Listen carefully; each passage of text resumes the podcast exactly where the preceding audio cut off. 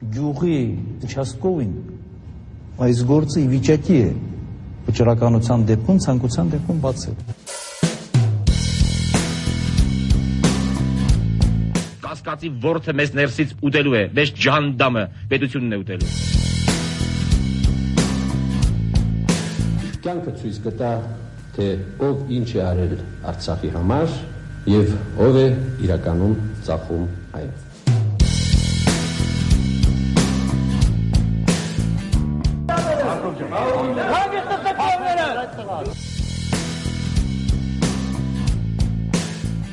Ձեզ այնքան կծեց են դալաններում, որ դուք կարտագաղթեք։ Նորագույն պատմություն։ Երրորդ հանրապետությունն ազատության աչքերով։ Յուրաքանչյուր ամսվա վերջին շաբաթ օրը։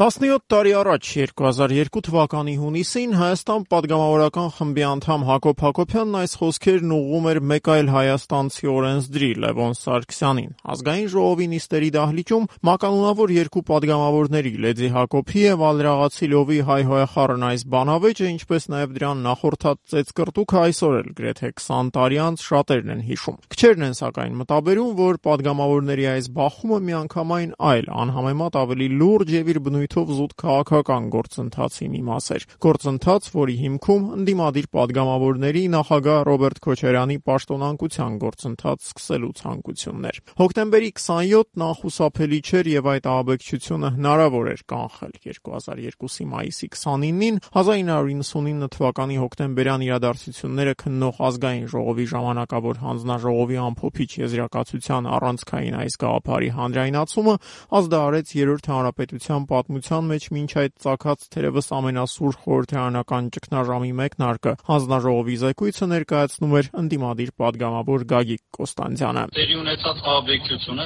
կարող է կանխվել, եթե իրենց պարտականությունները լիարժեք եւ հստակ կատարի պետական անվտանգությունը ապահովող մարմինները։ Խորհրդարանի նախագահամետ մեծամասնության համար հանձնաժողովի նման եզրակացությունն իհարկե տհաճ էր, բայց եւ կոպիտ ասած ոչ մահաց ու քանի որ հրապարակված փաստաթղթում նշված չէին հոկտեմբերի 27-ի կոնգրեսի կոնկրետ մեղավորները արկա չէր նաև որևէ մեկին պատժելու պահանջը։ Իրավիճակը սակայն փոխվեց հաշված րոպեների ընթացքում, երբ խորհրդանի ամբիոնին մոտեցավ ընդդիմադիր падգամավոր Ղուկաս Ուլիխանյանը հայտնելով, որ հանձնաժողովի նման եզրակացությունը Ռոբերտ Քոչարյանի պաշտոնանկության գործընթաց սկսելու իրական եւ ամենակարևորը իրավական հիմքեր է ստեղծում։ Հաշվառվելով այն հանգամանքը, որ Հայաստանի Հանրապետության նախագահ Ռոբերտ Քոչարյանը իր գործողություններով բարբերաբար խախտել է Հայաստանի Հանրապետության սահմանադրության եւ մի շարք օրենքների բաժներ, ձեզ ենք ներկայացնում Հայաստանի Հանրապետության նախագահ Ռոբերտ Քոչարյանին պաշտոնանկ անելու հարցի մասին եզրակացություն ստանալու համար Սահմանադրական դատարան դիմելու մասին ազգային ժողովի որոշման նախագիծը Իշխանական թևը նախ փորձեց ոչ այնքան համոզիչ կերպով ձևացնել, թե հոկտեմբերի 27-ի եւ Ռոբերտ Քոչարյանի պաշտոնանկության գաղափարի միջև որևէ կապի արկայությունն ինքնին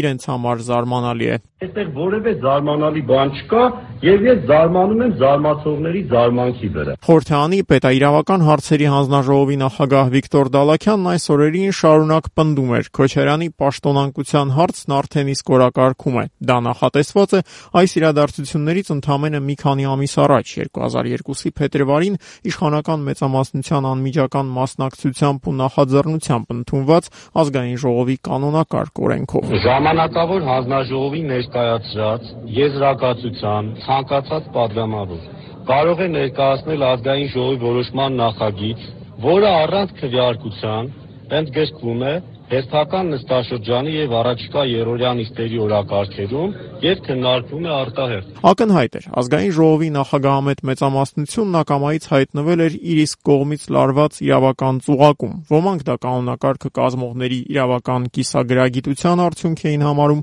ընդդիմադիր Հայաստան խմբակցության ղեկավար Միասնիկ Մալխասյանը սակայն կողմ էր դավադրության տեսությանը, որի համաձայն խորհրդանի կանոնակարգ օրենք կազմողները կանխամտածված կերպով էին նախագահի պաշտոնան ցանկության հարցի համար իրավական սողանցք թողել Քոչարյանին քաղաքական թակարդը գցելու նպատակով։ Այն մարդիկ, ովքեր դավաճանել են Վազգեն Սարգսյանին եւ Կարեն Դեմիրճյանին, նրանք չեն կարող հավատարիմ լինել նախագահին։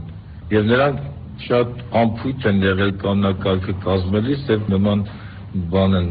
թույլ տվել։ Տիգրան Թորոսյանն է եղել Հոկտեմբերի 27-ի իրադարձությունները հանրային հիշողության մեջ 2002-ին դեռ բավական թարմ էին։ Ի վերջո Վազգեն Սարգսյանի, Կարեն Դեմիրճյանի մյուսների սպանությունից ընդամենը 2.5 տարի էր անցել։ Խորհրդարանն այն նույն խորհրդարանն էր, որ ժամեր շարունակ Նայիրի Հունանյանի խմբի ձեռքում պատանդ էր մնացել։ Դրա հետ մեկտեղ սակայն հոկտեմբերի 27-ի որոշ առանցքային դրվագներ 2002-ին արդեն հետևողականորեն լուսանցք էին մղվում։ Խոսքը նախ եւ առաջ խորհրդարանում տեղի ունեցած ահաբեկչության կազմակերպիչների մասին էր։ Ոմանք Նայիրի Հունանյանի խմբին Վազգեն Մանուկյանի թեթև ձեռքով անվանում էին մի խումբ ռոմանտիկներ։ Մամուլի մի զգալի մասը եւ Ռոբերտ Քոչարյանին պաշտպանող ուժերը շարունակ պնդում էին, թե ազգային ժողով մուտք գործած խմբի թիկունքում որևէ մեկը չկար եւ այդ ամենը զենքերի ձեռքբերումից մինչեւ երկրի գրեթե ողջ ղեկավարության սառնասիրտ գնդակահարությունը Նայիրի Հունանյանի անձնական նախաձեռնությունն էր։ Նման պնդումներով հանդես եկող քաղաքական ու հասարակական գործիչների, նաեւ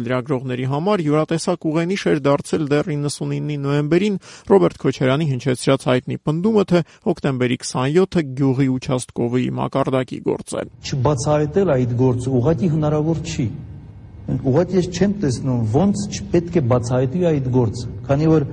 մարդիկ ձերբակալված են, կատարողները ձերբակալված են, քանի որ ապացույցները կան, սա բացեր արված։ Ռոբերտ Քոչարյանի շրջապատի այն ներկայացուցիչները, որոնք հոկտեմբերի 27-ից հետո նախաքննության մարմինների ուշադրության կենտրոնում էին հայտնվել 2002-ին արդեն ազատության մեջ էին եւ շարունակում էին պետական կառավարման համակարգում մեծ ու փոքր պաշտոններ զբաղեցնել։ Այս առումով ամենացայտունն իհարկե Ռոբերտ Քոչարյանի աշխատակազմի նախկին ղեկավար Ալեքսան Հարությունյանի դեպքն էր, որը հոկտեմբերի 27-ին նախ նախորդող շրջանում մի քանի անգամ հանդիպել էր Նայիրի Հունանյանի հետ, վերջինիս պնդմամբ անմիջական առնչություն ունենալով ազգային ժողովում տեղի ունեցած ահաբեկչությանը։ Նշեմ սակայն, որ հոկտեմբերի 27-ի ահաբեկչությունից 2.5 տարի անց Ռոբերտ Քոչարյանի մերձավոր շրջապատի եւ Նայիրի Հունանյանի խմբի հնարավոր կապի մասին հիշատակումները լրատվական եւ քաղաքական դաշտում չէին խրախուսվում։ Վերջին էլեկտրոնային լրատվամիջոցը, որ դեռ համարցակվում էր parberabar խախտել այդ չգրված օրենքը ԱՄԵԿ+-ն էր։ Հեռուստան ընկերությունը սակայն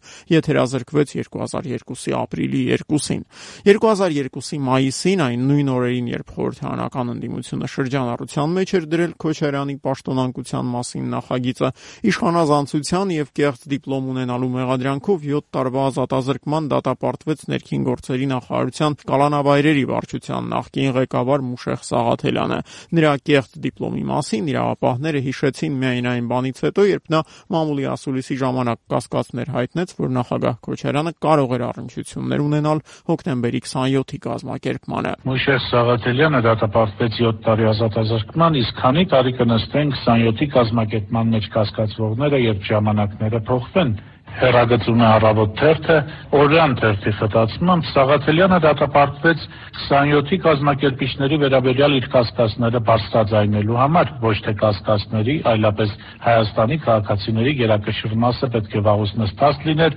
այլ բարձրաձայնելու։ 2002 թվականի հունիսի 1-ի ազատության երեկոյան եթերում մամուլի տեսությունը ներկայացնում էր Վաչե Սարգսյանը։ Բարևան 26-ում ամենամղձավանջային երազում անգամ չէին կարող պատկերացնել, որ նախագահական ընտրություններից մոտ կես տարի առաջ ազգային ժողովը կարող է մի ամբողջ երրորդյա քննարկել արդյոք Քոչարյանը պատասխանատու է հոկտեմբերի 27-ի համար թե ոչ։ Իշխանամետ падգամավորներն առանձնապես մեծ ընտրություն սակայն չունեին կամ հետևել օրենքի տարին թույլ տալ հոկտեմբերի 27-ին նվիրված քննարկումների անցկացումը եւ վերջում դեմք քվեարկել Քոչարյանի պաշտոնանկության հարցով սահմանադրական դատարան դիմելու նախաձեռնությանը կամ էլ տարբեր ոչ այնքան օրինական հնարքներով անել ամեն ինչ, որպեսզի հարցը խորհրդարանի օրակարգում չընդգրկվի։ Հունիսի սկզբին արդեն པարզ դարձավ իշխանությունները ընտրել են երկրորդ տարբերակը։ Քոչարյանին սատարող խորհրդարանականների հիմնական փաստարկը հետևյալն էր. նախագահի պաշտոնանկության հարցը չի բխում հոկտեմբերի 27-ի ժամանակավոր հանձնաժողովի զեկույցից։ Դաշնակցական Աղվան Վարդանյանն օրինակ դիմելով ընդդիմադիրներին կանխատեսում էր, որ Քոչարյանի պաշտոնանկության այս նախաձեռնությունը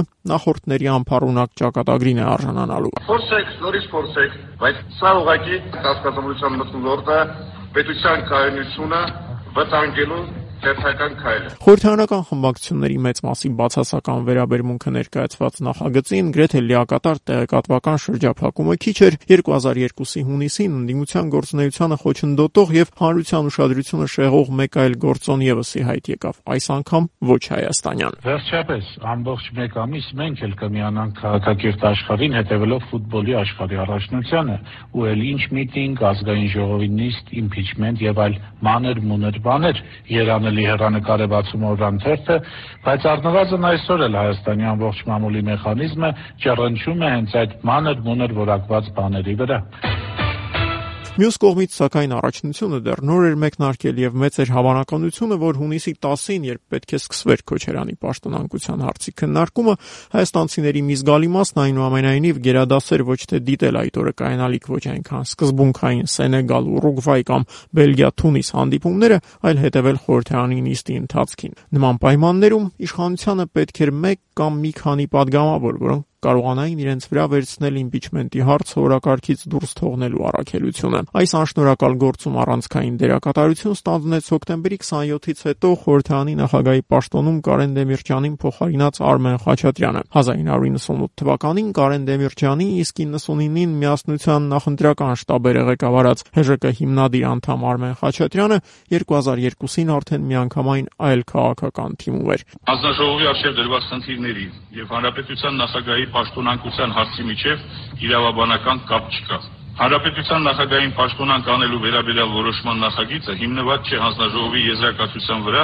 Արմեն Խաչատրյանից հետ չէր մնում մեկ այլ падգամավոր՝ հանրապետական Գալուս Սահակյանը։ Նա առանձնապես ջանքել չէր թափում բացատրելու, թե ինչու Ռոբերտ Քոչարյանի պաշտոնանկության հարցը օրակարգում հայտնվել չի կարող։ Հարցը չի մտնելու երրորդյա։ Իշխանամետ падգամավորների այս հայտարարություններն էին, որ ստիպեցին երկրորդ գումարման ազգային ժողովի ամենալեգենդար անդամներից մեկին, Մարտունեցի կոմունիստ Խորեն Թրչունի Սարգսյանին ամբիոն բարձրանալ եւ հայաստանյան պարլամենտարիզմի պատմության մեջ թերևս առաջին անգամ դիմել հանգուցյալներին։ Դիմում եմ Կարեն Դեմիրճյանին, Վազգեն Սարգսյանին։ Մի օրով գլուխ բարձրացեք, ես ունեք բերե պարլամենտ։ Շնորհակալ եմ։ Խնդրեմ պարոն Խաչատրյան։ Սրճունը սաղ լիներ, շատ կողպար։ 2002-ի հունիսի 10-ին մեկնարկած այս նիստի ժամանակ Արմեն Խաչատրյանին ամենասուր կերպով քննադատում էին նրա նախկին կուսակիցները։ Մարդիկ, որոնք դրանից ընդամենը 3-4 տարի առաջ միասին ստեղծել էին Կարեն Դեմիրճյանի Հայաստանի ժողովրդական կուսակցությունը եւ ի տարբերություն երկրորդ գումարման ազգային ժողովի նախագահի շարունակում էին հավատարիմ մնալ քաղաքական այդ ուժին։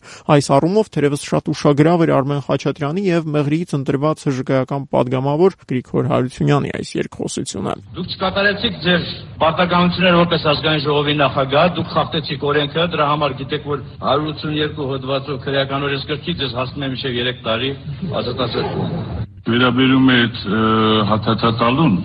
շատ Պիտի աճեք, որ փորձեք, էլի։ 2002 թվականի հունիսի 10-ի խորհրդանի նիստի մեկնարկից քիչ անց արդեն པարզ էր։ Մեծամասնությունը կանի ամեն ինչ Քոչերյանի պաշտոնանկության հարց օրակարգում չընդգրկելու համար։ Այդ պահին Հայաստանի խորհրդանական ընդդիմությունը կիրառեց մի հնարք, որ մինչ այդ հետ խորհրդային տարածքում գործածել էին բացառապես ուկրաինացի եւ վրացի падգամավորները։ Ամբիոնի գրավում. Ազատության 2002 թվականի հունիսի 10-ի եթերում ազգային ժողովում ծավալված իրադարձությունները ներկայացնում էր Արմեն Զաքարյանը։ Զաքարյանը։ Խորեն Սարգսյանը, Արամայիս Բարսեղյանը, Ալեքսան Կարապետյանը, Ստեփան Զաքարյանը, Ղուկաս Ուլիխանյանը, Մանու Գասպարյանը եւ ելի մի քանի падգամավոր, ասելով, որ եթե ազգային ժողովի նախագահը խախտում է կանոնակարգը, ապա այդպես վարվելու իրավունք ունի ցանկացած ոք, բարձրացել են ազգային ժողովի ամբիոն ու պարզապես հանգարում են խորհրդարանի աշխատանքը չթողնելով որ սկսվի երրորդյան։ Արմեն Խաչատրյանը խոսում է, նրանք էլ են խոսում։ Հաջորդ օրն իրադարձություններն անհամեմատ ավելի սերընթաց էին զարգանում։ Պատգամավորական հոց շարքեր էին աստիճանաբար խառնվում նախագահության արչև։ Այնտեղ հայտնված յուրաքանչյուր պատգամավոր ուներ կոնկրետ նպատակադրում,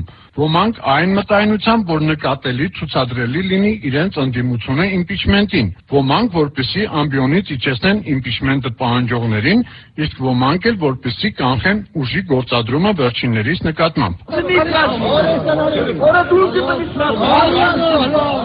Այդ որ ասում էր դու ինչ չպիտի ասես, Սևանից ընտրված падգամավոր խորհրդարանական մեծամասնությունը ներկայացնող Ալեքսան Պողոսյանն էր, որը վիճաբանության մեջ էր երկրապահ падգամավորների հետ, եւ որոնք շահագրգիռ էին ամբիոնի մոտ կանգնածների նկատմամբ ուժի կիրառումը բացառելու մեջ։ Այսպես դահլիճը արձագանքեց, երբ ամբիոնի մոտ հավաքվածներին մոտեցավ падգամավոր Լևոն Սարգսյանը բռունցքով հարվածեց Արամայից Բարսեղյանին։ Դահլիճը անմիջապես վերաբերմունք դրսևորեց, մի մասը վեր թռավ տեղից։ Սակայն բոլորին տեղերում մնալ ստիպեց Մալացիայից ընտրված պատգամավոր Հակոբ Հակոբյանը։ Հարվածին հետևած հաջորդ վայրկյանին նա ամենաթունդ հայոյանքները տեղած պատգամավորների հասցեին, նույնիսկ այնպիսիք, որոնք երբևիցե պատգամավորներից որևէ մեկը չի էլ լսել։ Հագեստը տակավները։ Հագեստը տակավները։ Լավ, նիստ ավարտվել է, հաճելի բաներ մի լսեք։ Իդեպ հաճելի բաների մասին։ Այն նույն ժամերին, երբ խորհրդանում գրքերը չէին հանդարտվում, Ռոբերտ Քոչարյանը կոնյակի գործարանում էր։ Քոչարյանին այստեղ 400 լիտրանոց կոնյակի տակառ նվիրեցին, նա էլ չմերժեց քաղաքական իրավիճակը մեկնաբանելու լրագրողների խնդրանքը։ Խորհրդանի մասին, սակայն Քոչարյանն այդ օրը խոսում էր այնպես, կարծես խոսքը ոչ թե իշխանության անկախ ճյուղ հանդիսացող ազգային ժողովի մասին է, այլ ասենք գյուղատնտեսության նախարարության։ Իհարկե միջամտելու ենք եւ մարդկանց ցույց ենք տալու, որ կարգը նաեւ պատգամավորի համար պարտադիր է եթե երկը շատ ձգձգվի, ուրեմն նաև առանց դիմումի ստիպված կլինենք միջանոթերով։ Կոնյակի գործարան այցի ժամանակ իդեպ լրագրողները հանկարծ ողջացին, որ Քոչարյանը գրեթե բոլոր մանրամասներով է ծանոթ հոկտեմբերի 27-ի հարցը քննող խորհրդարանական հանձնաժողովի աշխատանքին։ Այստեղ սկզբունքային հարց է։ Ստեղծված է հանձնաժողով, որի իրավասությունները շատ հստակ որոշման մեջ ընդգծված է երեք կետ եւ եզրակացության մեջ ինչ որ տեղ խախտումներով ինչ որ մի նախադասություն գնաց որը ընդհանրապես կապ չունի այն լիազորությունների հետ որի համար ստեղծված է այդ հանձնաժողովը այն տուզի պատմությունն է դառնում։ Եթե ով ինչի մասին խոսա, վերջում ասելու են հա իմպիչմենտ։ Երևանում սակայն դեռ երկար էին փորձում հասկանալ, թե ինչ տեղի ունեցավ հունիսյան այդ օրերին։ Ոմանք իդեպ Քոչարյանի չհաջողված պաշտոնանկության այս պատմության մեջ նրա մերձավոր զինակցի պաշտպանության նախարար Սերժ Սարգսյանի ձեռքն էին նշмарում։ Այս մասին առավոտի մեկնաբանը գրում էր 2002-ի հունիսի 11-ին ակնհայտորեն ֆուտբոլի աշխարհի առաջնության հերարցակումների արանքում։ Հնդիմությունը կանխավ գիտեր, որ չի կարողանա նախագահային գոլ խփել։ Դա գիտեին նաև նախագահի թիմի պաշտպանները, որոնք չգիտես ինչու թույլ տվեցին, որ խաղը տեղափոխվի իրենց տուգանային հրապարակ, այսինքն պաշտոնանկության հարցը այնուամենայնիվ բարձրացվի, բայց հետո չխաղացին, գուցե վախեցան փակ կասնի քվեարկությունից։ Բարկած կա, որ նախագահական շատ պաշտպաններ ու կիսապաշտպաններ իրականում պաշտպանության նախարարի թիմի չբացահայտված հարձակվողներ են, այնպես որ գաղտնի քվեարկության դեպքում նրանց վրա հույս տնելը ռիսկային է։ Բայց եթե կար մեկը, որին հաջող հաջողվեց հունիսյան խորհրդարանական ճգնաժամի ընթացքում առավոտի խմբագրի պատկերավոր համեմատությամբ գոլ խփել, ապա դա ընդդիմադիր падգամավորների դեմ բռնություն գործադրած Լևոն Սարգսյանն էր։ Ի վերջո պարզ դարձավ, թե ինչու է Ալերաղացի Լյովիկ Մականունով հայտնի падգամավոր Լևոն Սարգսյանը ազգային ժողովի հունիսի 11-ի տապալված նիստի ընթացքում հարցակվել ընդդիմադիր падգամավոր Արամայիս Բարսեղյանի վրա, գրում է հայկական ժամանակը։ Բանն այն է, որ այդ օրը падգամավորի եղբայր Արմեն Սարգսյանը նշանակվել է Զեյթունի Էլցանցի տնորեն, Փաստորեն Արամայիս Բարսեղյանի վրա հարձակումը երախտագիտության նշան էր հայրենի իշխանություններին։ Խորհրդարանական ծեծկռտուքը մեկ անգամ եւս վկայեց իշխանական մեծամասնությունը որևէ խոչընդոտի արչև կանգ չի առնի Քոչարյանի պաշտոնանկության հարցի քննարկումը թույլ չտալու համար, իսկ ընդդիմությունը ոչ բավարար լծակներ ունի, ոչ էլ բավարար թվով քվեներ իմպիչմենտի հարցի ընդգրկում նորակարգում ապահովելու համար։ 2002-ի հունիսի 12-ին ընդդիմադիրները իներցիայի ուժով դեռ արգելափակում էին խորհրդարանի ամբիոնը, սակայն Արմեն Խաչատրյանն ամեն ինչ կարճ կապեց, արագորեն հայտարարելով Գարդանային նստաշրջանի ավարտի մասին։ 2002 թվականի սեպտեմբերին արդեն Քոչարյանի պաշտոնանկության հարցը դուրս մղվեց քաղաքական օրակարգից։ Երկիրը նախընտրական ժամանակաշրջան էր մուտք գործել պատրաստվելով 2003-ի փետրվարին կայանալիք նախագահական ընտրություններին։ Ընտրություններ, որոնց արդյունքում Ռոբերտ Քոչարյանը թեև դժվարությամբ, բայց կարողացավ պահպանել նախագահի պաշտոնը։ Նախընտրական ողջ շրջանում, սակայն օթում կախված հիմնական հրետորական հարցը մեկն էր. ինչպիսին կլինեին 2003-ի նախագահական ընտրությունները, ով կլիներ դրանց հաղթողը, եթե տեղի չունենար հոկտեմբերի 27-ը։ Գյուղի Չասկովին այս գործը ի վիճակի է վճռականության դեպքում, ցանկության դեպքում բացել։ Կասկածի ворթը մեզ ներսից ուտելու է, մեզ ջանդամը պետությունն է ուտելու։ Կյանքը ցույց կտա թե ով ինչ է արել Արցախի համար եւ ով է իրականում ծախում այն։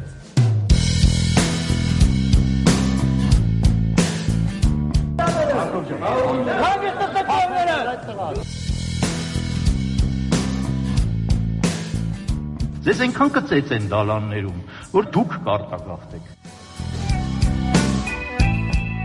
Նորագույն պատմություն։ Երրորդ հանրապետությունն ազատության աչքերով։ Յուրաքանչյուր ամսվա վերջին շաբաթ օրը։